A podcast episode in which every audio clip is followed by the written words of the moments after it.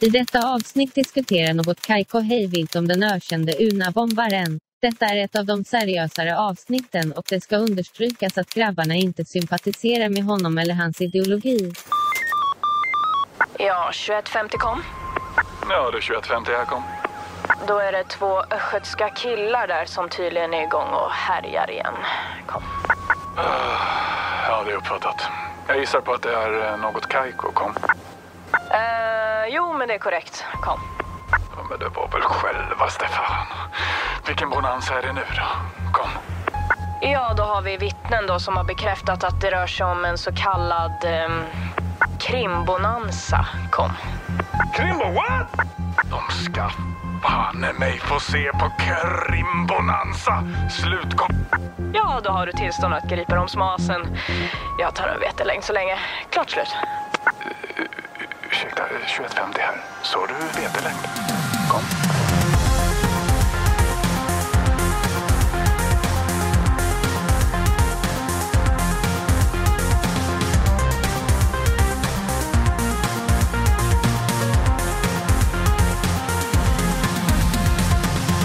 Hjärtligt välkomna ska ni vara till våran vårspecial där vi nu sållat om och presenterar stolt då Krim-bonanza.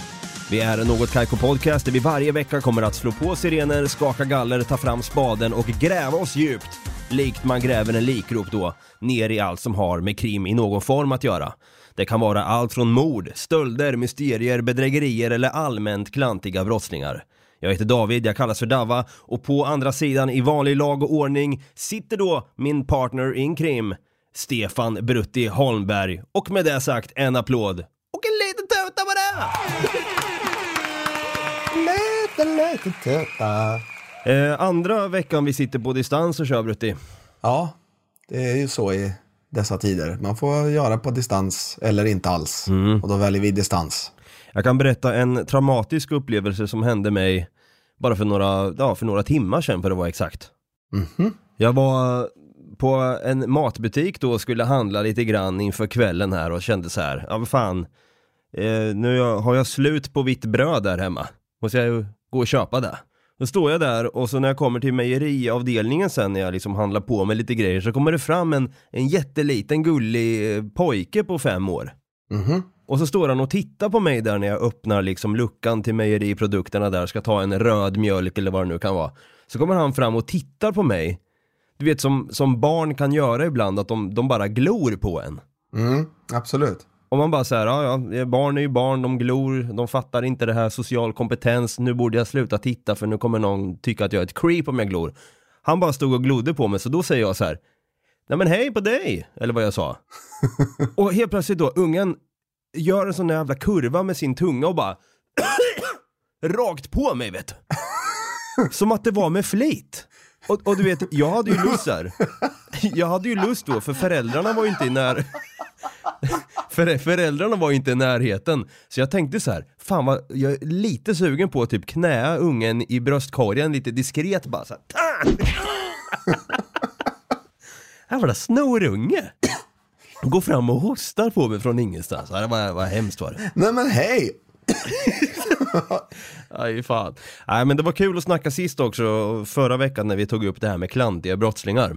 Ja, det blev inte ett jätteseriöst avsnitt, eh, det var mycket garv och så, men jag tror man behöver det ibland. Gud ja. Jag kan fortfarande inte släppa Ashley Keast. Vilken jävla legend fortsatt.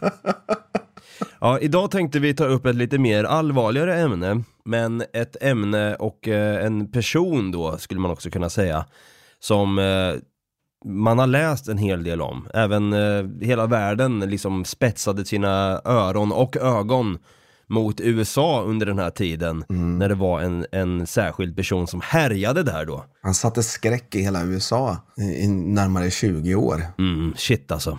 Och det här har jag sett fram emot att prata lite om för det finns ju en serie på Netflix som handlar om just den här. Den heter Manhunt och jag tänker inte säga Vad säsong ett heter. exakt för det tänker jag låta dig utbrista här nu. Idag ska vi prata om Unabombern.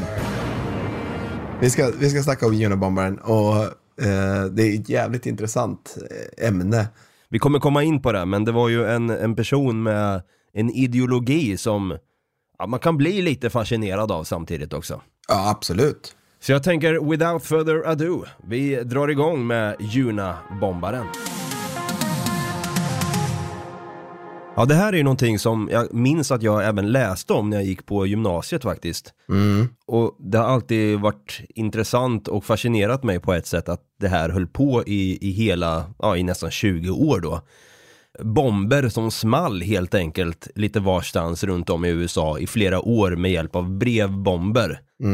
Men jag tänker, Brutti, du som sitter på liksom the facts om eh, när det här, ja, när, när helvetet började. När, när, när började hela skiten här Brutti? Det började faktiskt den 25 maj 1978. När man hittade ett paket då på parkeringen till University of Illinois i Chicago. Och det hade en returadress till en kille som hette Buckley Christ. Som var professor vid ett närliggande universitet som heter Northwestern University. Och den här Buckley Christ då, han hade aldrig skickat det här paketet. Så han kontaktade campuspolisen istället då. Och då var det en kille som heter Terry Marker vid eh, campuspolisen som öppnade det här. Och då exploderade bomben och han fick en skada i sin vänstra hand. Åh fy fan. Så det, den första bomben dödade ingen, utan han hade en, en skada i sin hand. Jag vet inte hur omfattande den här skadan faktiskt var, för det framgår inte. Det står ingenting om nå- några förlorade fingrar eller någonting sånt, utan det står bara att han har en skada i sin vänstra hand. Vad jag har fått fram. Och med tanke på att det här var första bomben då så kan jag tänka mig att polisen då till en början tänkte väl att det här kanske var någon form av, ja, de kopplar inte ihop att okej nu, nu kommer vi syna in i framtiden här, det här kommer bli ett återkommande koncept så att säga. Utan jag kan nog tänka mig att de bara tänkte att det här kanske var en engångsförteelse. Och de gjorde väl en utredning om typ så här, ja, Buckley Christ här då, är det någon som vill honom något, dumt här kanske? Det kan man ju verkligen tänka. För grejen var att även bomb nummer två då, även den var adresserad till just Buckley Christ. Jaha, Den bomben då var eh, ett år senare, den 9 maj 1979. Eh, Men då var det en, en student då vid namn John Harris som öppnade det här paketet och fick skador också. Det är liksom det, eh, listat som skador är bara lite mindre skador och eh, brännsår. Så att han var väl kanske inte någon jätteduktig bombtekniker eh, på 70-talet, eh, Unabombern då. Nej exakt, för att jag vet ju att eh, de här bomberna som man som folk då eh, genom alla tider har snickrat ihop hemifrån, det är ju sådana här så kallade rörbomber. Att man använder sig av någon form av, ja, det kan vara något avhugget eh, järnrör eller vad man ska säga. Och sen så proppar man, man i massa sprängmedel och skit där i, man kan till och med proppa i spikar och så vidare. Spikar och skruvar och sånt var är ganska vanligt ja. Ja, och så att det blir liksom, det blir en rejäl jäkla tryckvåg som händer då. Det är någon utlösare där när man drar ut det här paketet ur förpackningen och sen smäller det av. Och sen är det ju, det har man ju sett i film, det är ju inte så verklighetstroget men om Michael Bay hade regisserat en film då, om vi säger det då om Junabombaren, så hade det ju kommit så här liksom eldsvådor och, och ex, av, en, av en explosion då. Men det, så ser ju inte en explosion ut egentligen. Det är mest rök. Det är mest rök och det blir en jäkla smäll bara. Det, är liksom, det, det ska till stora bomber för att det ska få en, en sån eh, eldexplosion faktiskt. De här eh, pipe bombs då som de kallar det, eller rörbomber, de är ju väldigt, eh, det är väldigt koncentrerat så att all eld som uppstår, den blir liksom mer eller mindre i röret och sen trycker ut allting ur röret. Ja, precis. Okej, så ett andra brev till Buckley Christ eh, öppnades av en student då där istället. Ja, så att eh, den här Buckley Christ har inte ens öppnat något av paketen trots att två stycken var riktade mot honom. Så har han klarat sig undan båda gångerna. Och fy fan. Men i alla fall då, sen så dröjde det ungefär ett halvår då till den 15 november 1979. Så ganska exakt ett halvår senare. Så eh, är det så att han, uh, Unabombern då, riktar sig in på ett flygplan. En Boeing 727 American Airlines flight 444 från Chicago till Washington DC. Den här bomben hade dock en eh, fel, eh, det, det, liksom, det var något fel på uh, timern. Så den här felaktiga timern då, den, den eh, gjorde så att bomben small inte, utan- utan den började bara brinna. Så att det blev aldrig någon smäll i flygplanet. Det här var mid-flight dessutom. Så att det var mitt i, i luften. Så att det hade kunnat gå jävligt illa. Oh. Om den hade smält. Men nu gjorde den inte det utan det började brinna och då kom det in rök i, eh, kabinen då. Så att eh, 12 passagerare fick lite, lite rökskador. Men det var ingenting jätteallvarligt. Ingen dog. Eh, men i och med att han riktade in sig på ett flygplan då så är det liksom ett federalt brott i USA. Aha. I och med att det är ett federalt brott så blev ju FBI inkopplade i det här. Och de gav då beteckningen, det här fallet, så gav de beteckningen Unabom. Vilket står för University and Airline Bomber. Och därav kallar man honom för Unabomber. Precis, det blev nästan som ett eh, kodnamn skulle man kunna säga. FBI använde det här som ett kodnamn för den här bombaren. Exakt. Och anledningen till att de kunde förstå då att det här hörde ihop på ett sätt, det var ju att han, han eh, ristade ju in sina, en initial där på bomberna under FC. Precis. Freedom Club står det för. Freedom Club, ja, Frihetsklubben då. Och då börjar man ju tänka direkt så här, oh shit, är det, är det en hel jävla liga som ligger bakom det här liksom, en stor Ja. terrorgrupp? Eh, och grejen är att det, här, han gjorde sådana här, eh, inte bara just FC, utan han skrev ju andra grejer på bomberna också. Lödde in och ristade in falska ledtrådar på de här bomberna. Vilket gjorde det väldigt svårt för FBI och polis att hitta honom. För de trodde att de var honom på spåren väldigt många gånger. Men visade sig att det var helt fel. För de fick ju in brev lite då och då. Tidningar fick in brev och, och FBI fick in brev. Och, och då, när de fick de här breven, när de fick ett av de här breven så stod det ett början på ett namn. Carl och sen så stod det ett, ett namn. Nathan R. Nathan R, ja exakt. Carl Nathan R. Och de letade och letade och letade efter den här Nathan R. Hur länge som helst. Visade sig att han hade ingenting med det här att göra. Det var någon som hade på redaktionen haft en lapp ovanpå som han hade skrivit Carl Nathan R. Och sen så, sen så hade de skickat vidare det här brevet till FBI då. Det var, alltså FBI var ju lite clueless under den här tiden också för de hade inte haft någon sån här vad ska man säga, sånt här fall tidigare där de inte har någon aning om vad, vad fan är motiven bakom det här. Varför gör den här personen eller personerna det här mot då universitet och eh, nu då flygbolag och vem fan är den här Nathan R? Och det visar sig som så också som du sa, den här snubben hade ju en fetisch för post-it-lappar liksom. Ja, exakt. Och då blev de ju lite desperata och eh, till slut så får de in då en FBI-agent då som precis har avslutat sin gärningsmannaprofilutbildning i stort sett. Och eh, får in då James Fitzgerald, eh, även kallad Fitz, som han också får följa med i den här serien som går på Netflix, Manhunt. Och gärningsmannaprofilering är ju, det var ju fortfarande lite hokus pokus för många. Och för de som har sett Mindhunter på Netflix också, eh, det är ju en gärningsmannaprofilerare är ju att man ska bygga en profil kring någon man inte har någon aning om vem det är. Man, man använder liksom ledtrådar från eh, brotten de har gjort för att bygga ihop hur hans, eller hens liv ser ut. Precis, oftast är det ju en han när det kommer till eh, seriemördare på något sätt. Seriebrottslingar. Det är ju inte bara seriemördare utan det är seriebrottslingar. Exakt. Eh, Det kan ju även vara bankrånare eller någonting. Eh, Men, men de har ju, det är ju ofta byggt på, på seriemördare. Mm.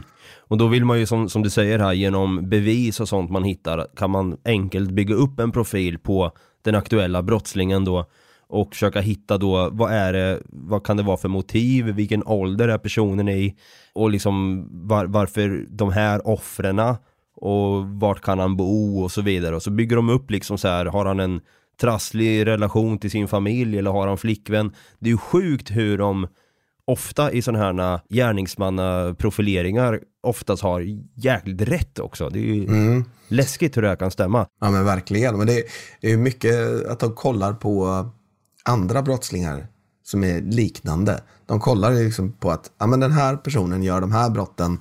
Det, det verkar ungefär som att det är som den här personen. Den personen är så här och den bor här. Och den, ja. Så att det är väldigt mycket de går på andra tidigare brottslingar.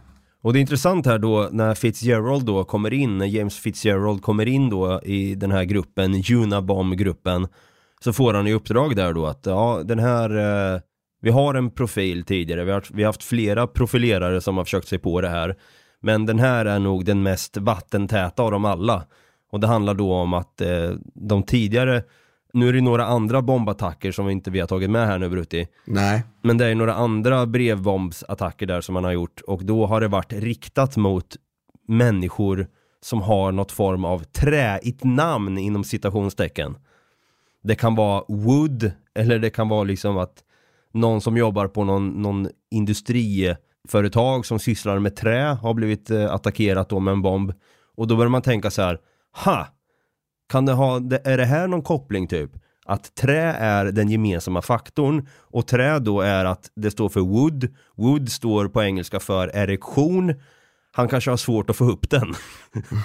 och det låter ju som ett jäkla skämt när man säger det men det var ju så de tänkte liksom. Ja. Han kanske har svårt, han har liksom komplex med sin penis och måste därför hävda sig genom att skicka brevbomber till folk som har träiga namn då. då. Precis. Väldigt många av de här bomberna, han, han hade 16 stycken bomber totalt som han eh, skickade ut. Eller levererade faktiskt en del själv. Men vissa av dem, eller de allra flesta av de här är ju inriktade till lärare eller professorer på universitet. Det är mycket universitet alltså. Och sen så är det ett flygplan och sen så är det en eh, Bomber till och med till The Boeing Company. Han gillade verkligen inte universitet och han gillade inte flygplan uppenbarligen. Nej, exakt. Och då börjar man tänka så här, eh, varför just de här okända personerna? Varför väljer han att ge sig på de här företagen eller de här människorna som jobbar just på de företagen?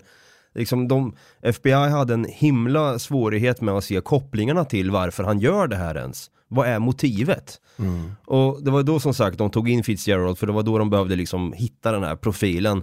Och Fitzgerald då tänker med en gång att Ja men vänta, nej det har inget med trä att göra, det här är för långsökt, någonting är det, det är något annat, det är något konstigt. För de tänkte ju också att den här Juna-bombaren då hade jäkligt lågt IQ och förmodligen var en gammal flygplansmekaniker. Ja, Och det här med lågt IQ då, det visade sig att så var ju verkligen inte fallet och under den här vevan så insåg ju Fitz där att den här personen förmodligen har ett högt IQ med tanke på vad den här personen skriver. mm, exakt, exakt. Och då börjar vi komma över på en viss intressant grej här och fascinerande grej. Junabombaren skrev ju ett manifest och det ska vi prata mer om nu. Mm, jag tycker att vi ska fokusera lite grann på det här manifestet som Junabombaren skrev. Fortfarande okänd vid namn vid det här tillfället. Men eh, FBI får ju inskickat ett så kallat manifest. Ett manifesto till sig. Och vad, vad innebär ett manifest Brutti? Alltså ett manifest är ju en, eh, en skrift som, eh, nu, nu, bara så du vet så tar jag direkt från eh, Wikipedia nu. Mm, tillförlitlig källa. Tillförlitlig källa.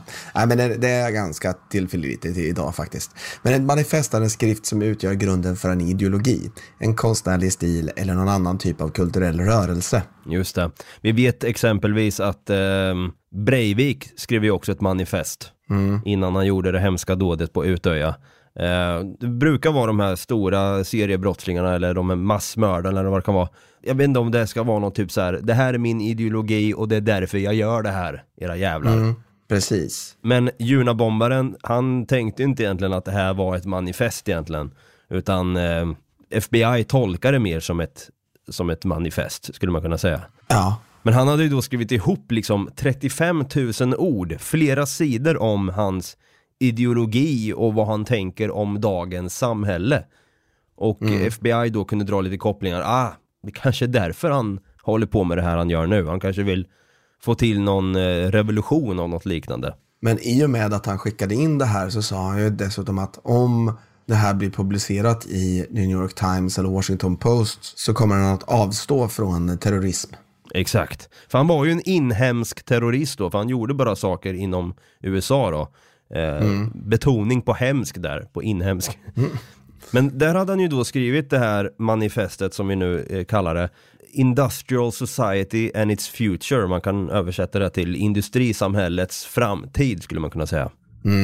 Och där han hade ju skrivit om att han var väldigt kritisk gentemot eh, det samhället vi, vi lever i. Ja, det är ju värre idag än, än vad det var då. Men han var ju väldigt eh, anti mot den här teknologin, datorer, mobiltelefoner. Maskiner i, överlag. Han ville ju liksom egentligen inte att vi skulle hålla på och åka bilar eller flygplan eller eh, hålla på i, i skogen med, med massa hjälpmedel så som eh, skogsmaskiner, alltså typ eh, mycket det. Mm. Röjning av skog som han inte gillade också. Man skulle kunna säga att han var en riktig naturaktivist fast på ett helt fel sätt skulle man kunna säga. Istället för att kanske stå på barrikaderna med en skylt och säga Stop eh, eh, fucking up the forest. Ja, Så, så valde han istället att på ett väldigt diffust eh, motiv då skicka brevbomber till folk. Jag, jag inte, det där får inte jag ihop riktigt.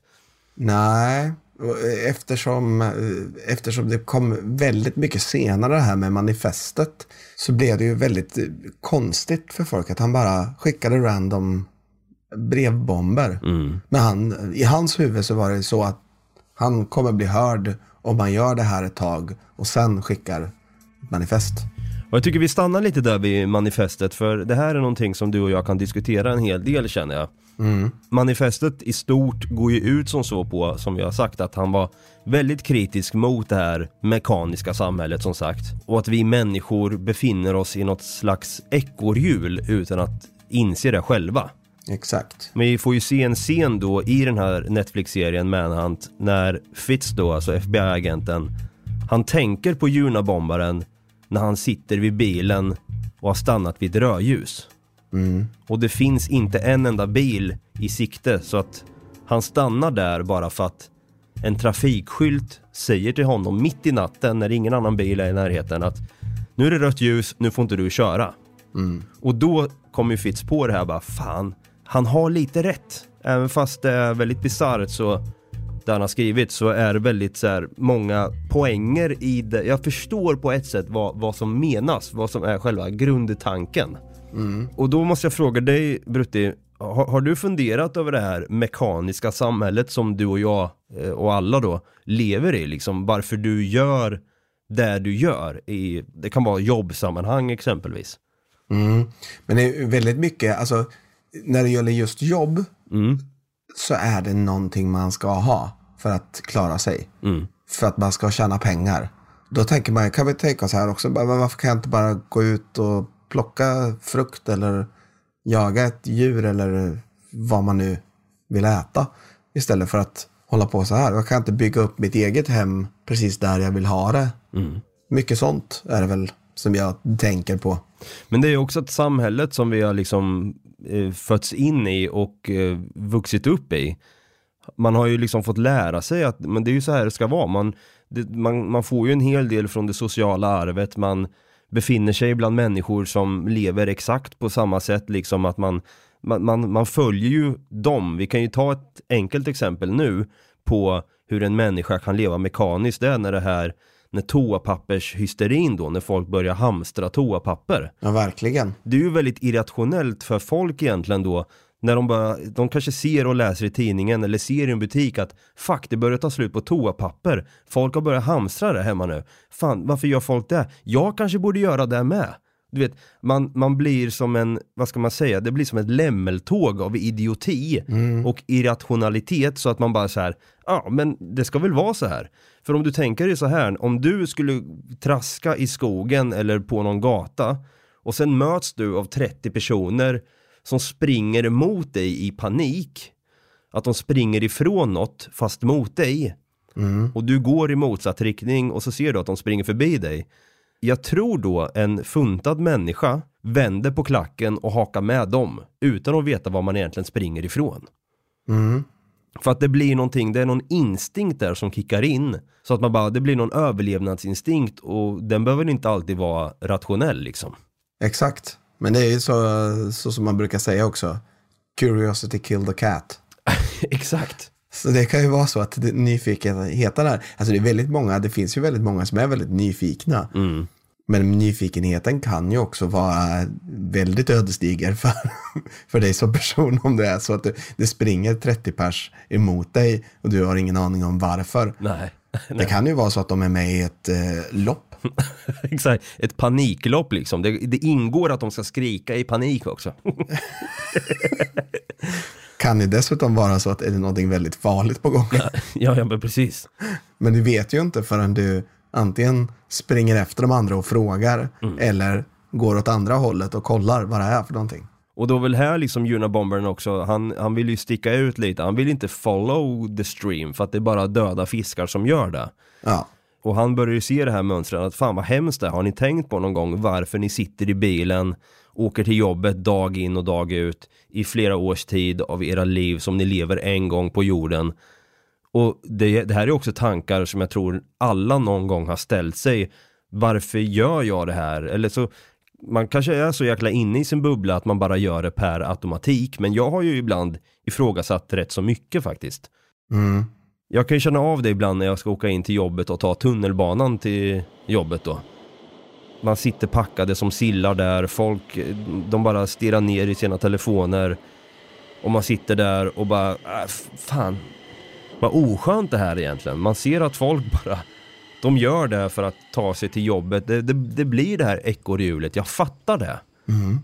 absolut. Det är ju rutinerna som, som Juna Bombaren var väldigt skeptisk mot också. Att du gör saker för att någon annan säger att du ska göra det. Du lever inte som en fri människa. Det är ju det lite han är ute efter tror jag. Att eh, jag, jag har sett många referera till honom som en anarkist. Mm, och det där anarkist, vad, in, vad innebär anarki egentligen? Jag tycker det där ordet kan vara lite luddigt. Alltså anarki och anarkism är ju två olika saker kan man säga. Eller det är egentligen inte två olika saker men man, man menar två olika grejer när man säger anarkism och anarki. Anarki, det är liksom eh, ett begrepp som man använder i olika meningar. Man, man kan använda det i positiv mening där man menar då att man, in, man ska liksom inte ha någon statsmakt eller någon härskare eller man ska inte ha någonting sånt, inga ledare.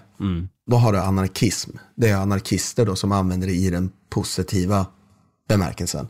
Men sen så har du även då den, den negativt laddade beteckningen anarki, där man kan säga att det är total anarki. Och då är det liksom menar att man är, det är förvirring och kaos då. Ja men typ som, som en eh, skolrast kan vara komplett eh, anarki liksom. Om det inte finns en vuxen person och, och övervakar de här barnen. Precis. så kan det bli total anarki. Därför att det, det, liksom, man vill inte ha några lagar och regler. Det, är liksom, det finns inget. Och vi, vi brukar ju sällan sitta och prata politik i den här podden, men jag tycker nu när vi tar upp Junabombaren så sätter vi oss in i på ett sätt hur han tänkte. Vi säger inte att vi är för eller emot, utan vi bara sitter och diskuterar här nu som två vita, skäggiga män i Sverige då. Och väldigt kränkta dessutom. Kränkta ska tilläggas, för fan. Och vi har ju varit inne lite grann på en, en filosof som vi brukar, vad ska man säga, referera till. Fredrik Nietzsche. Han, han sa att det finns ingen moral egentligen i mänskligheten. Det är någonting som vi människor har hittat på. Man kan säga att eh, Junabombaren här var, han var lite inne på det också. För jag, tänk, jag tänker läsa en, en, eh, en, vad ska man säga, paragraf från hans manifest där, alltså Junabombarens manifest. Och jag måste bara ta med den här i podden bara för att ni, ni som lyssnar ska få en känsla av hur det här manifestet eh, är skrivet liksom. Ja, men kör på bara. Eh, paragraf, eller nummer 25 då i manifestet så har jag översatt det här till svenska då. Då, då skriver Junabombaren Vårt samhälles moraliska kod är så krävande att ingen kan tänka, känna och agera på ett helt moraliskt sätt. Till exempel ska vi inte hata någon, men nästan alla hatar någon någon eller annan gång oavsett om hen medger det för sig själv eller inte. En del människor är så mycket socialiserade att försöket att tänka, känna och agera moraliskt medför en allvarlig börda för dem. Och för att undvika skuldkänslor måste de ständigt lura sig själva om sina egna motiv och hitta moraliska förklaringar till känslor och handlingar som i verkligheten har ett icke-moraliskt ursprung. Vi använder då termen översocialiserad för att beskriva sådana här människor. Det har de skrivit och det, det här tycker jag är så jäkla intressant för att ibland kan jag känna att man får skuldkänslor lätt på grund utav ens moral då som man har med sig från scratch Mm. och som man har blivit lärd. Men det är skuldkänslor som absolut inte existerade under stenåldern exempelvis då. Nej, exakt. Det, det är någonting som har kommit fram efter att vi har lärt oss att kommunicera med varandra på ett mer, vad ska man säga, utvecklat sätt. Mm. Och det är intressant ändå då att han sitter på ett IQ, vad, vad hade han i IQ, Junabombaren? 167 har han. Shit alltså. Han har nog kvar det samma. Han är ju fortfarande vid liv. Ja. För ens IQ kan väl aldrig, det, det, det förblir detsamma va? Det beror nog på eh, sjukdomar som till exempel demens. Ja i och för sig, i och för sig det är sant. Om, jag- eller om jag skulle få en smäll i huvudet och, och tappa en hel del hjärnceller och kanske bli lite trögare i huvudet då av det. Då Det kan, min- nog, det kan nog bli så. Ja, Eh, Vissa grejer kan nog medföra att du får en lägre, ett lägre IQ. ja. det, var, en- det var en dum, dum fråga. Men eh, IQ är väldigt intressant. Jag har ingen aning om vad jag har i IQ. Har du gjort ett IQ-test någon gång? Eh, ja, flera gånger. Eh, Har du i minnet vad, vad du har? Eh, Bland annat när jag mönstrade. Ja just det. Fick du reda på vad du hade i IQ då? Ja men det var liksom, då var det på en eh, poängskala mellan 1 till 9. Ja, just det, det är med 1 till, 1 till 9 ja. Ja. Så jag vill inte säga om man fick full pott på det, då har man inte 9 i IQ liksom. Jo, du har nog 9 i IQ, det stämmer nog ganska bra. Jag tror det sägs att man behöver 40 för att kunna öppna en dörr. Så, Okej, så? så du, jag tror att du har, vi kan lätt säga att du har mer än 40 i alla fall. 41 då. ja, nej, men intressant det där med IQ. Jag tror, alltså IQ har inte varit min stora, jag, jag kan ju säga så här, jag har större EQ, det vill säga då att jag Equalizer. Eh, Equalizer, exakt. Nej men EQ då, det är liksom emotionell intelligens, alltså emotionell kvot på en persons förmåga när det gäller att kunna handskas med egna och andras känslor, ha relationer, motivera sig själv och vara empatisk. Men eh, frågan var, var, var Junabombaren en, en seriemördare? Det är fan frågan egentligen, för att han uppfyller ju vissa av de här kraven som är för att vara en seriemördare så behöver du ha mördat minst tre personer, vilket han gjorde. Vid olika avgränsade tillfällen, vilket det var. Men så kommer vi till den sista här, vars motivation till största del är baserad på psykologisk tillfredsställelse. Och var det verkligen hans egna psykologiska tillfredsställelse som var motivet? Mm. Vi kanske skulle ringa upp en expert. Du, jag tycker nästan att vi ska göra det. Och eh, när vi säger expert då, någon som pratar jäkligt mycket seriemord överlag och någon som har koll på just det här med seriemördare. Eh, det är ju då Dan Hörning som vi har haft med här i podden i avsnitt 16 för att vara exakt också när vi satt och pratade om Palmemordet. Vi slår en pling till Dan Hörning och frågar var Junabombaren enligt honom då en seriemördare? Mm, nu vill jag höra Dan i min medhörning. Ja, det är en bra fråga. Om Junabombaren var en seriemördare eller inte. För det är ganska tydligt att han är en terrorist.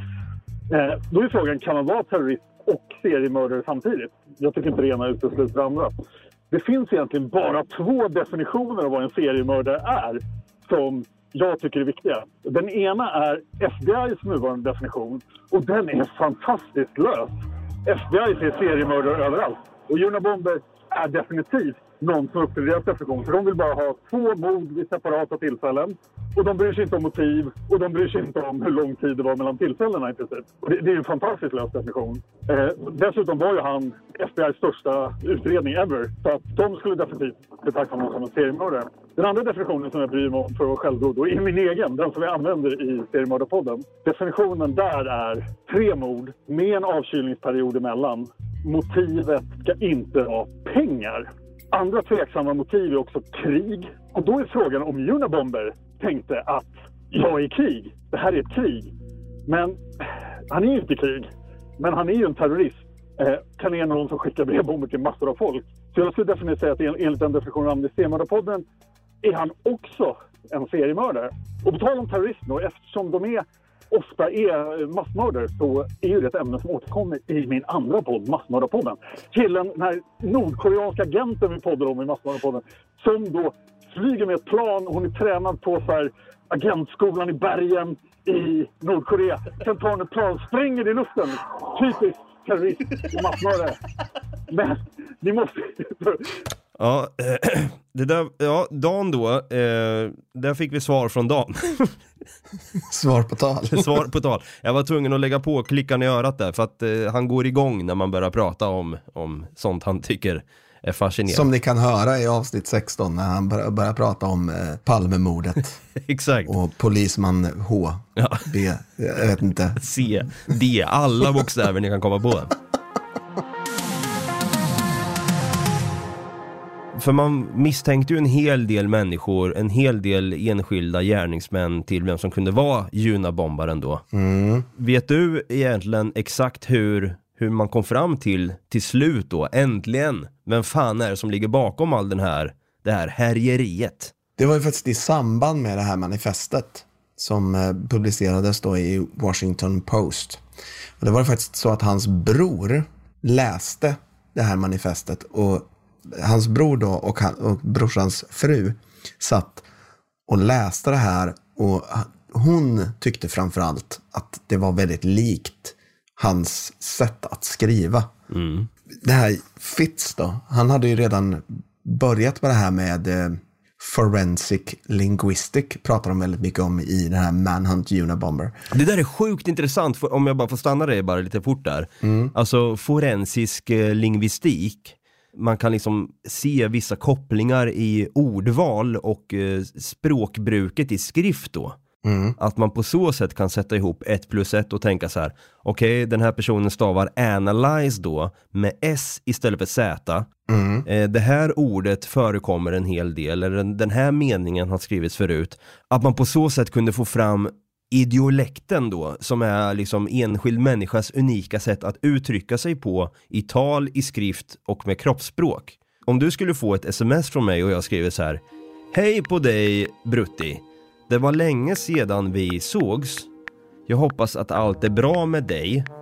Vi har det jättetrevligt här, ha ha ha ha ha ha ha ha ha ha. Jättetrevligt. Jag sitter och spelar Yatzy. Jag mår bra idag. Brutti. Kul. Puss puss. Då hade du sett med en gång. Det där är inte Dabba som har skrivit det där. Nej, exakt. Det är väldigt intressant. Och bara en sån sak som att du och jag tillhör ju sådana som väldigt, eh, jag skulle säga aldrig särskriver ord. Nej. Så där, bara en sån sak, om, om du skulle särskriva ett ord, Mm. så ska jag börja fundera lite grann. Jag skulle bara, vänta du va? Mm. Eh, Precis. Varför har du särskrivit det här? Jag skulle ifrågasätta dig. Ja. Har du fått en stroke? Vadå jätte mellanrum bra? Ska fan ge dig en käft mellanrum smäll om du skriver sådär igen. Exakt så. Ja, nej men det där är intressant och det var då eh, Fitz då, FBI-agenten, liksom, han var ju banbrytande i det där liksom, forensisk lingvistik, att man på ett sätt kan hitta kopplingar då när det kommer till, till skrift då. En stor avgörande faktor är, var faktiskt ett, ett talesätt. Man brukar säga på engelska då, you can't have your cake and eat it too. Men han hade skrivit det tvärtom. You can't eat your cake and have it too. Aha! Faktum är att de berättar i den här Manhunt Unabomb att det är det korrekta egentligen. You can't eat your cake and have it too. Det är egentligen det korrekta, bara att man slutade använda det för länge sedan och började använda You can't have your cake and eat it too. Ah, just det, just det! Och att vi egentligen säger fel då, eller amerikanerna säger fel. Mm, exakt. Fan det är intressant det där liksom när det går i generationer om, om det skulle komma ett nytt talesätt som egentligen börjar helt annorlunda och så fortsätter folk felcitera det talesättet. Ja, för jag tror, att, jag tror att vi på svenska säger du kan inte äta kakan och ha den, också, ha den med. Ja, och vissa säger tårtan istället. Ja, men det är, cake betyder ju tårta på engelska så det är, det är inte jättekonstigt. Men det där han hade skrivit var alltså rätt och då kunde de på ett sätt, ah, okej, nu kan vi fatta att han har läst The Chicago Tribune en hel del. Det är därför han skriver analyze med S istället för Z och, och massa andra liksom grejer som, som gjorde att han är förmodligen uppvuxen i Chicago och har läst tidningen en hel del. Och eh, på det sättet han skriver och hur han har skrivit manifestet i vilken liksom ordning allting kommer i, liksom formatet på manifestet var väldigt likt på hur artiklar skrevs i The Chicago Tribune. Och då kom man ju fram till att han troligtvis var från Chicago-området. Mm. Men sen blev det ju en breakthrough där när, som du sa, att frugan till David Kaczynski, alltså Ted Kaczynskis bror, a.k.a. Junabombaren, såg den här likheten med hur, ja, vilket, vilket ordval och, och skrift som hade valts där då. så fick ju Fitz reda på att, ja, okej, det har någonting med det här att göra. Jag åker till den här adressen och då besökte ju han David Kaczynski, brorsan där då. Mm. Utan att veta att det var hans bror va? Ja, exakt. Det var en ren chansning. Ja, Han fick ju hjälp av någon i alla fall inom FBI som hade fått tag på den här adressen som hjälpte honom. Och då åkte han dit, pratade med den här David och fick ju faktiskt verkligen övertyga honom. För att David hade ju samma dag fått svar då att äh, men vi har analyserat det här och det är inte din bror. Nej. Men samtidigt så kunde Fitz då se likheterna mellan det och bara det är din bror. Ja, för Fitz eh, kände ju, han liksom, han hade ju Hela hans relation, alltså hans äktenskap blev ju raserat för att han gick all in och han andades och levde det här fallet Junabombaren i flera år utan att lyckas liksom komma fram till vem det är. Så med hjälp av sin gärningsmannaprofilering så kunde ju han då övertyga David Kaczynski, alltså brorsan då. Kan det vara som så att din bror är den, i den här åldern, han eh, har isolerat sig själv, han bor i en stuga, han är smart, han har ett IQ, han är väldigt skeptisk mot det här mekaniska samhället vi lever i, Ja. bla bla bla bla. Till slut insåg ju David bara, fuck det är min brorsa. De hade ju faktiskt två stycken sådana här um, fantombilder på honom. De hade en gammal, men vid ett bombtillfälle så var, fanns det ett vittne som hade, där de hade målat en bild av honom då. Och sen många år senare på 90-talet, eh, då skulle de göra en ny bild. Och då kom den här eh, kvinnan då, som är vittnet vid, vid det här bombdådet. Hon har minns helt fel. Så hon mindes tecknarens ansikte istället och beskrev tecknarens ansikte. Precis. David då här, sa ju till, till Fitz bara, men det är, inte, det är inte han, för så här ser inte min bror ut. Nej. Och han, han bara, nej, för det där är inte din bror. Det där är teckning nummer två, vilket är helt fel. Hon mindes helt fel och beskrev tecknaren istället. Det här är tecknaren, exakt på pricken likadant typ. Och sen så visar den, det här är första bilden och den ser ut som Ted Kaczynski då. För den där fantombilden, den andra fantombilden då som blev, vad ska man säga, inte viral men den som spreds då i alla tidningar och så vidare. Det var ju den här fake, alltså den, den fantombilden som var helt inkorrekt. Ja. Men den har ju gått och blivit kanske den mest kända fantombilden ever. Ja. Det har blivit en, en logotyp i, i stort sett. Ja, faktiskt, så är det. Men till slut då så, ja, säger ju David bara, men då får ni, det känns inte bra men jag måste uppge min egna bror då. Mm. Och berätta vart han befinner sig och eh, då kommer han ju fram till att han bor fortfarande i en stuga som jag och han byggde tillsammans. Som han har byggt med matematiska uträkningar. Exakt, precis hur, vilken höjd det ligger på, allt var spikrakt. Ser ut att vara en väldigt liten stuga. Och där hade han ju tillbringat hela sitt liv i stort sett. Eh, och meckat ihop eh, rörbomber och lagt dem i paket och skickat runt till, till olika då. Och det small ute bara helvete och vissa dog, andra klarade sig. Men det, han försatte ju hela USA i skräck där. Ja. Skickade han iväg en sista bomb efter manifestet eller hur blev det där? Nej, han hann aldrig skicka den. De hann att ta honom precis innan. Det, det stod faktiskt en bomb under hans säng i ett paket som han var redo att skicka. Vet man till vem? Nej, inte, inte vad jag har fått fram i alla fall. Utan jag tror inte de har gått fram med det för att eh, inte skrämma upp den personen. Okej, okej. Ärligt talat så tror jag att det hade varit väldigt dumt. Ja, jo faktiskt. Till slut då, så blir ju Ted Kaczynski, a.k.a. Junabombaren, gripen. Mm. FBI åker dit, vi behöver inte dra någon större utläggning där, men de griper Ted Kaczynski utan några större ansträngningar egentligen. Nej, de, de använde ju en eh, parkvakt typ. Som han kände lite grann då, den här Ted. Så att han, han försökte locka ut honom. Ja.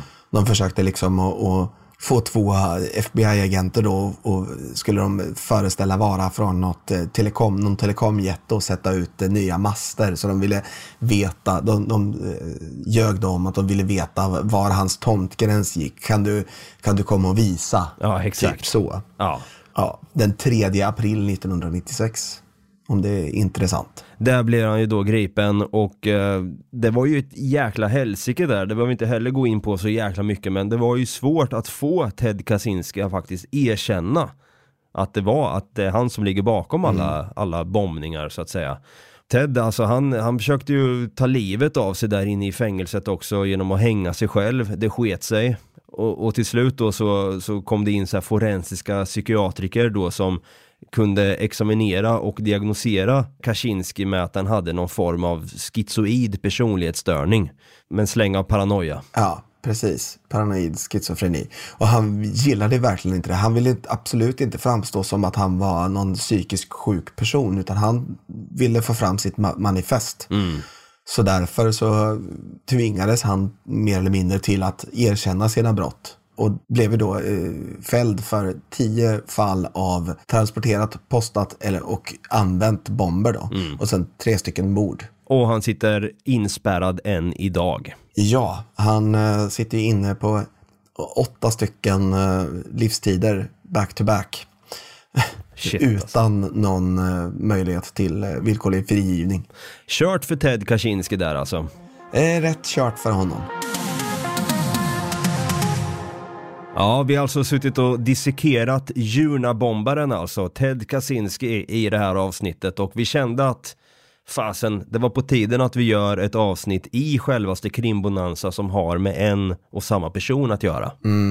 Faktiskt. Det är så jäkla lång period som han härjade i USA. Ja. Och precis som vi sa, liksom, det är ett intressant jäkla case det här. Mm. Jag måste bara fråga dig, har du haft någon nyfikenhet av att läsa hans manifest? Mm, det har jag ju faktiskt. För jag har faktiskt sett att eh, det går att köpa den här boken då som är, är själva hans manifest då. Ja, det kan jag tänka mig. Det finns ju även att köpa den här Anarchist Cookbook. Som jag antar att han använder sig lite grann utav för att göra bomber. Jaha, och jäklar alltså. Ja, det är ingenting som vi rekommenderar men det, det finns crazy shit on internet så att säga. Ja, verkligen. Det finns jävligt mycket crazy shit. Och på tal om internet där då Brutti, om folk vill ha kontakt med oss, vart kontaktar de oss då? Ja, inte via brevbomb i alla fall. Precis, helst ej. Helst inte. Nej. eh, nej, men man kan gå in på Facebook så kan man eh, skriva en rad till oss. Där heter vi Något Kaiko Podcast. Eller så kan man skicka ett DM till oss på Instagram där vi heter Något Kaiko. Eller så kan man mejla oss på nagotkaiko.gmail.com. Och om du har en poddapp som tillåter att du kan gå in och prenumerera eller följa den här podden och kanske skriva en liten recension eller ge den fem stjärnor eller en tummen upp så är du mer än välkommen till att göra det. Det hade varit skitkul faktiskt att se vad ni tycker om själva Krimbonanza och där kan ni också skriva lite förslag eller tips på vad vi ska ta upp i den här bonanzan helt enkelt. Så jag tänker som vi alltid brukar säga här Brutti. Ja, Vi avslutar podden med de två gyllene orden som är ha det gröt. ha det gröt för fan, hörs nästa vecka.